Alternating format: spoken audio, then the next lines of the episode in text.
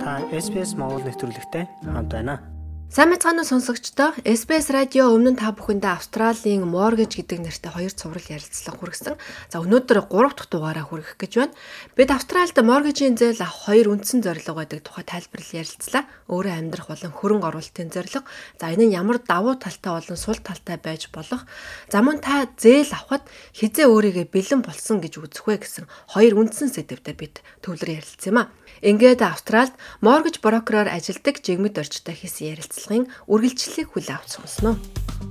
Лайк, share, comment үлдээгээрэй. SBS Монгол Facebook хуудсыг дагахаа мартаоцай. Тэгэхээр Австралид бол үл хөдлөх хөрөнгө авч болох хоёр зорилго байдаг. За үүнд бол нэгдүгээр өөрөө амьдрах, за эсвэл investment буюу бас өөртөө хөрөнгө оруулж байгаа юм хоёр хэлбрээр үл хөдлөх хөрөнгийг авч болтгоо. Тэгэхээр энийг хоёлаа бас хүмүүс тайлбарлаж өгвөл. За хэдүүлээ сая ихэнхдээ бол нөгөө өөрөө амьдрах байрыг хэрхэн хойно талаас нь нэлээ ярилцлаа. Тэр үл яг яг Монгол яг л өөрөө амьдрах зорилгоор аваад тэрийг эргээд төлөх тийм процесс байгаа investment property гэдэг ямар зорилгоор авдаг вэ гэхэд зэрэг харилцагч нар тухайн property-г аваад хүнд буцааж түрээслүүлэх зорилгоор энэ байрыг авдаг байгаа. За энэ тохиолдолд stamp duty fee бол заавал төлнө. Одоо чинь Австралийн citizen, PR бүгдээрээ хамаагүй одоо ихэнх хүмүүжүүд бол duty fee төлдөг байгаа а гадаадынх бол яг л төрөөнийх шиг те stamp duty fee дээр нэг stamp duty fee surcharge гэдэг одоо Сиднейд бол дахиад investment property гадаадын төвзөр визтэй хүмүүс бол 12%-ийн татварыг төлнө гэсэн үг байхгүй юу? Нэгдүгээр татвар байна. За хүмүүс яагаад investment property авдаг юм бэ гэхээр зэрэг дөр тухайн хүмүүс тухайн одоо property-г үнэлгээнд одоо ирээдүйд өснө гэдэг зорилгоор нэгдүгээр авч иж болно. А эсвэл татврын зорилгоор авч болно. Одоо хүмүүстэй жишээ нь нэг хүн би 110 мянган долларын татвар цалин авдаг байна гэж бодоход те тухайн хүний татврын шатлал нэг одоо буучдаг ч гэх юм те тухайн байрны төрөөсийн олж байгаа орлого зээлийн хүн төлж байгаа төлбөр. Одоо тэндээс бол орлогоос олоод орлого дээр нэмэгдчихнэ шүү дээ те а гэтэл чин эсрэгээрээ тухайн хүн бас нэг зээлийн хүн төлж байгаа төлбөр байна те А тэнгүүдээ нөгөө байр түрээслүүлэгтэй холбогдлолтой бүх зардал. А дээрэс нь мэд нөгөө depreciation баг манайхаар бол одоо хуримтлагдсан илэгдэл гэдэг зүйл тооцогдоод одоо түрээсээ олж байгаа орлого нь яг зардалтайгаа ингээд нийцж байгаа ч гэсэн те хуримтлагдсан илэгдэл гэдэг зүйл нөгөөдөнд нөлөөлөд одоо чинь 110 мянган долларын татвар төлдөг хүмүүс маань одоо чинь 100 мянган долларын юугаар тооцоод те одоо такс хэртүүрнээ буцааж авахдаа нөгөө investment property-д оруулсан арай илүү такс хэртүүр нь одоо авах боломжтой гэсэн үг байхгүй юу? нэлээ ихээр буураад. Тиймэрхүү зорилгоор оруулах хүмүүс investment property-г авдаг байгаа. Аа тэгээд investment property-г авахд бол бас одоо саяны хэлсэнчлэн одоо орлогыг яаж тооцох вэ гэхээр ирээдүйд одоо ийм орлого орж ирнэ. Миний цалин юм байна. Аа миний орлого энэ байна. Төрөөсөө бас олох боломжтой орлого хэд байна. Тэгэж тооцоод investment property-г авах боломжтой. Түрүүн хэлсэнчлэнтэй би төрөөс төлдөг бол яах вэ гэж те. Төрөөс төлдөг хүмүүс бол яг өөрөө төрөөс төлж байгаа ч гэсэндээ бас өөрөө түрээсээ орлох болох байхгүй нөгөө л та. Тэр зэрэг нөгөөний хувьд бол бас нэг жоохон даваа тал бас бий болоод бас зээл авахт нь бас эргээд нөлөөлөх боломжтой гэсэн үг л дээ. Тэгэхээр яг өнөөдрийн нөхцөлд бол зээлийн хүн нэлээ өндөр байна. Ер нь Австралийн бас үйл хөдлөх хөрөнгөний салбар тийм таатай бус нөхцөл үүсэж байна гэдэг хэвлэл мэдээллийн байгууллагууд нэлээ ярьж байна. Монголчууд бас нь анзаарч байгаа. Тэгэхээр энэ нөхцөл үйл хөдлөх хөрөнгө авахар сонирхож байгаа хүмүүс өөрөө амьдрах зорилгоор авсан дээр үү эсвэл одоо хөрөнгө оруулалтын зорилгоор авсан дээр үү та яг мэрэгжлийн брокер хүний хувьд юу гэж харж байна? Энэ болохоор зэрэг тухайн хүний бас нөхцөл байдлаас шалтгаална. Одоо чинь хүү одоо хөндөр байгаа үед байрны үн бол ингээд үний өсөлт бол тодорхой явагдаж байгаа ч гэсэндээ арай боломжтой гэсэн үг.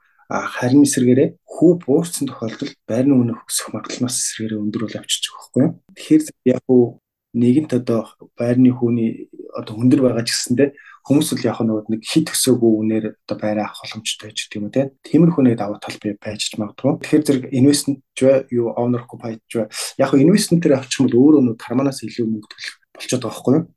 Одоо жишээ нь хуучин ч юм бол одоо хүү бага байх үед те би 600 сая долларын зээл авлаа. 600 доллараар би юугаа байраа түрээслүүлчлээ гэхэд те а нөгөө төрөө би юугаа эргээд төлөө яваад гэсэн байхгүй? Одоо сарын эргэн төлөлтөө төлөө яваад болдог байсан бол одоо болохоор зэрэг инвестмент тэр зориултаар авч байгаа хүмүүс болохоор зэрэг карманаас нэмж одоо мөнгө төлөх шаардлага бий болчихсон. Тэгэхээр зэрэг энэ инвестментээр зориултаар одоо байр авахд бол бас нэг жоохон сөргөөр нөлөөлж байгаа. Тийм нэг хэдвэр бас байгаа. Харин өөрсдөө нөгөө нэг амьдрах зорилтоор авч байгаа хүмүүсийн хувьд болохоор зэрэг яг ойрын нэг хэдэн жилдээ те жоохон өндөр төлжээ. Гэхдээ ирээдүйд бол буцаагаад хүү буурсан үед те одоо энэ чинь Австралийн засгийн газраас инфляцийг 3% рүү ингээд бий болгоно гэдэг хөтөлбөрүүдийг л ингээд байнга авч хэрэгжүүлээд байгаа учраас хэрв инфляц буцаагаад хэвийн түвшинд очсон үед орон сууцны хүү бол бас тагаад буурах тийм магадaltaй байгаа учраас ирээдүйд их буцаад нөө бахыг төлөв явчихна шүү дээ. Одоо жишээ нь жил хагасын өмнө гэхэд банкуудын одоо fixed interest rate нь болохоор 1.88-тай жишээ байсан байгаа байхгүй юу? Одоо бол зурсан байгаа. А нэгэнд одоо ингээд өндөр дээр авж байгаа тохиолдолд тий өнгөрсөн хугацаанд аваагүй одоо жишээ нэг л өнгөрсөн тийм байсан одоо тийм гэж ирсэн харьцуулж болохгүй. Нэг л байр аваа гэсэн зорилготой бол тэгэл 10 жилийн дараа явах гэдгийг харна уу гэхээс одоо 1 2 жилдээ явах бас тийм юм шиг үлээ.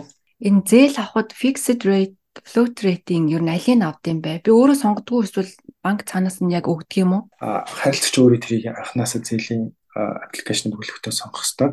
1 жилийн fixed, 2 жилийн fixed гэх мэтлэр 5 жил хүртэлх бол fixed хүүг сонгож болдог байгаа.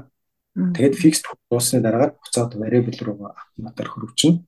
Тухайн үед нь дахиад fixed дээр нь байх уу, variable-аар нь байх уу гэдэг харилцагч бас шийдээд тухайн банктайгаач өргөжлүүлсэн болно эсвэл өөр банк руу refinance хийх байдлаар одоо арай илүү боломжтой хүү аваад явах тийм бас боломж байдаг. А нэгэнд авсан зээлээс шилжүүлж болдго юм уу те? Тий. Одоо Монголтай адилгүйгээр Австралид болохоор зэрэг одоо орон сууцны зээл авчлаа тий. Одоо чиний одоо зээл авч байгаа багсан чам 6.2% хүү одоо санал болгосон байлаа гэж үү тий. А гэтэл чи нэг жилийн дараа ч 2 жилийн дараа чиний байгаа хүч нь магадгүй зах зээл дээр хүү бууцсан баяа гэж үзээ л да чиний хүүч нэг 5-аар өнөө 5-тай а гэтэл чин бусад банкуудын нэг нэрлэлсэн юм болохоор зэрэг нэг 3 руу ч очих тийм бас тохиолдол байдаг байхгүй юу? Тэнгүүд банктайгаа яриад те энэ банк 3-тай надад миний хүү буулгаач гэсэн чинь за яг 3.5 ч гэх юм те. Чамд жоох байгаад шүү дээ. Тэр үед рефинанс хийгээд өөр банк руу шилжиж бүр боломжтой тэнд бол нэг 300 650 долларыг зардал гарна. Гэтэл чин харилцагч бол байдлын төлөлт нь бол хэмжээний хэмжиж тийм боломжтой байдаг За маш ойлгомжтой байна. Тэгэхээр ер нь зээл хөөцөлтөхөд өөрөө банкар явж хөөцөл брокерийн үйлчилгээ авч суучлуулах. Ер нь энэ хоёрын ялгаа давуу тал нь юу байдаг юм бэ? Тий, харилцагч шууд одоо харилцдаг банкнаас зээл авах боломжтой. А брокеруудаар ч зээл авах боломжтой. За брокеруудаар зээл авсны давуу тал нь юу вэ гэхээр зэрэг брокеруудын хувьд бол одоо бүх банкуд зээл бичих хэрэгтэй байдаг юу?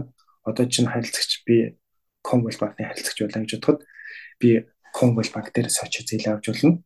Эсвэл тэ өөрөө нэг хайж агаад за магадгүй энэ зэч зүгээр юм уу гэл хувьд бол ингэж цөөхөн өөрийнхөө л харьцуулах боломж нь баг. Агтл брокеруудад одоо 60 70 зээлгчийн мэдээлэл нэгэн зэрэг ингээд харилцагчийн мэдээлэл оронгод бүгдээр гараад ирдэг. Тэнгүүд хамгийн бага хүүтэй банк бол энэ байна. А тэнгүүдээ танд зээл болох одоо хамгийн их зээл болох боломжтой банк нь энэ байна ч гэх юм те. Тухайн харилцагч нь яг нөхцөл байдлаас шалтгаална. Харилцагч чинь хэмжээний зээл авмаар байдаг харьцдаг банк нь тухайн хүнд хүссэн хэмжээний зээлийн өгөхгүй өгч чадахгүй байх тийм боломжтой байдаг юу? Тийм болохоор зэрэг брокеруудын хувьд бол маш их сонголттой харилцагчид олон банкуудыг ингэж харьцуулахгүйгээр брокерууд бол нэг доороос бүх банкуудын мэдээллийг аваад харилцагчид эдгээрээс сонголт хийвэл зүгээрээ гэдэг талаас нь бол эхлээд өгчнө. За харилцагч нар брокерод дамжуулж үйлчлэгээ авснараа шимтгэлтэй байж магадгүй гэж бас боломжлог тал байдаг. Гэтэл mortgage broker-ууд орон сууцны зээлуулалттай харилцагчаас төлбөр авдаг. Тухайн одоо төлбөрийг банкуд одоо mortgage broker-ууд төлбөр төлнө. А гэхдээ тэрийг нөгөө нэг засгийн газраас буцаагаад авчдаг болохоор зэрэг харилцагчид одоо ямар нэгэн одоо төлбөр нэмэгддэг гэсэн. Одоо жишээ нь харилцагч өөрөө тэ нэг ямар нэгэн байдлаар тухайн банкыг хайж олоод тэ үйлчлэг авахд тухайн банкны хүүн яг хэвээрээ жилийн хоромж яг хэвээрээ ерөөсөө бүх юм яг хэвээрээ mortgage broker хөдөлгөөр зэрэг програм дээрээс харьцуулж байгаад хамгийн сайн зээлдэгч юм болоод зээлээ наваад өгч чинь гэсэн үг. А нөгөө талаас банк болгон өөр өөр одоо полистэй. Одоо жишээ нь хүүн шийдлэхэнтэй зээлжих чадвар нь шийдлэх байгаа ч гэсэндээ Commonwealth банкны одоо жишээ нь гаргаж чадахгүй зээлийг маш олон банкуд гаргаж чаддаг гэсэн үг байхгүй юу? Тэгэхээр зэрэг mortgage broker-уудын хувьд харилцагчид одоо нэг доороос бүх банкуудыг харьцуулаад хамгийн тэр сайн боломжтой гэсэн үг. Хоёлаа ерөөхдөө зээл олгох талаас нь нэлээ ярьлаа шүү дээ. Одоо хоёлаа өнцгөө жоохон өөрчлөө. Зээл авах гэж байгаа хүний хувьд хизээ өөрийгөө бэлэн болсон гэж үзэх вэ? За нийтдүгээр болохоор зүрх хүмүүс санхүүгийн тооцоолол хийчих хэрэгтэй. Одоо жишээ нь temporary visaтэй хүмүүс түрүүн ярьсанчлантэй би 20% хөрчлөгөө дээр нэмэх нь stamp duty fee, stamp duty fee surcharge маань байна уу? А дээрэс нэмээд би foreign investment review board төлөх мөнгө байна уу гэдэг бүх санхүүгийн тооцоолол хийж үзээд за тэгэхээр ихний алхамтай би deposit манад хангалттай байна гэдэг нэгдүгээр хайж болно. А хоёрдугаар болохоор зэрэг ажил олгогч маань одоо ямар байна би жишээ нь TF-нээр одоо ажилдаг бол те одоо 6 сар тухайн газартай ажилласан байна уу те эсвэл 6 сарын газар ажиллаагүй ч гэсэндээ а би өмнө нь одоо тийм газар ажиллаж исэн бол тухайн хүн л одоо орлогын талаас бол болоо авчлаа гэсэн үг. А тэгээд заавал хүн одоо тий өөрөө өөрийг эхлээд үнэлэх гэж цаг хугацаа алдах шаардлага байхгүй. Mortgage broker-ууд одоогийн ажлын юм байна.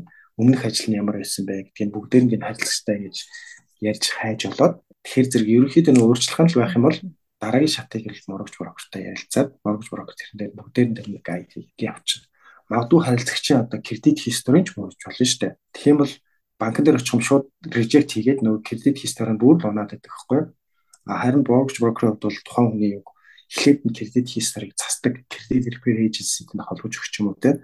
Эсвэл өөрөө ийм газар хайж болоод энэ нэг нэгээд засуулах шаардлагатай байна гэд.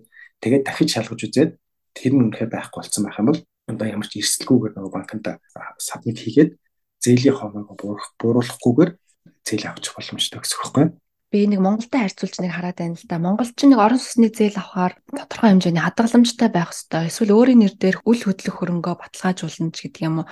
Бага үндсэн хөрөнгөнд бас нэг үнэлээд идэг. Энд тийм зүйл байдаг юм уу? За энд болохоор ингэж байгаа. Худалдаж авах байрыг нь л үнэлгээ болгоод идэг.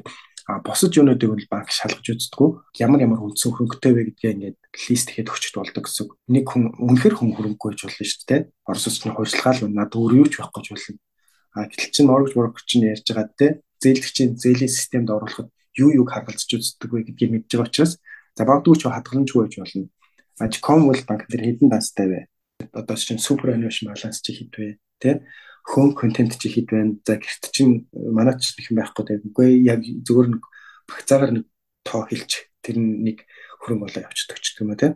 Банк бол ингээ харилцагчийг очиж юуг нь бол одоо жижиг эд ховшлыг хизээч одоо хүнлэх тийм цаг завч байхгүй тэрийг зүгээр харилцагч ингэ мэдэлцэн л байх болно. А баг нөгөө нөгөө депозиттэй одоо жишээ нь 20% баг ч гэдэм эсвэл зарим банкуудын хувьд 10% баг депозиттэй байгаа үед сүүлийн 3 сарын хуулгыг нь маш сайн хардаг.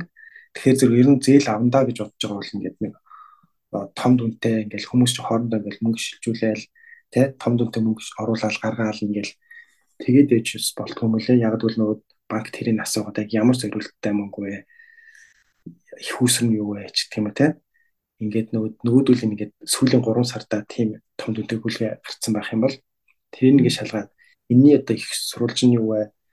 Байраа зарсан гэх юм бол те байраа худалдах худалдаа авах гэрээ нөө энийг орчуулаад яачих ч гэдэг юм. Ингээд энэ байдлаар аюух хол мэдээлэл ингээд шаардах болчиход байдаг учраас аль болох сүүлийн 3 сардаа нөгөө нэг цалин орж ирдэг данс болон өдөр тусмын нөгөө нэг зарлаг гардаг штэ. Дэлгүүр ороод яадаг. Тэр давыг дээр бол тийм тон түнтэй бүлгээ орж гараад байх. Бас тийм зохиомж байт юм лээ. Маш их баярлалаа тэгэхээр энэ зээл авна гэдэг энэ нарийн төвөгтэй процессыг бас хоёлаа хүмүүс тайлбарлаж өгч чадсан болов уу гэж бодож байна.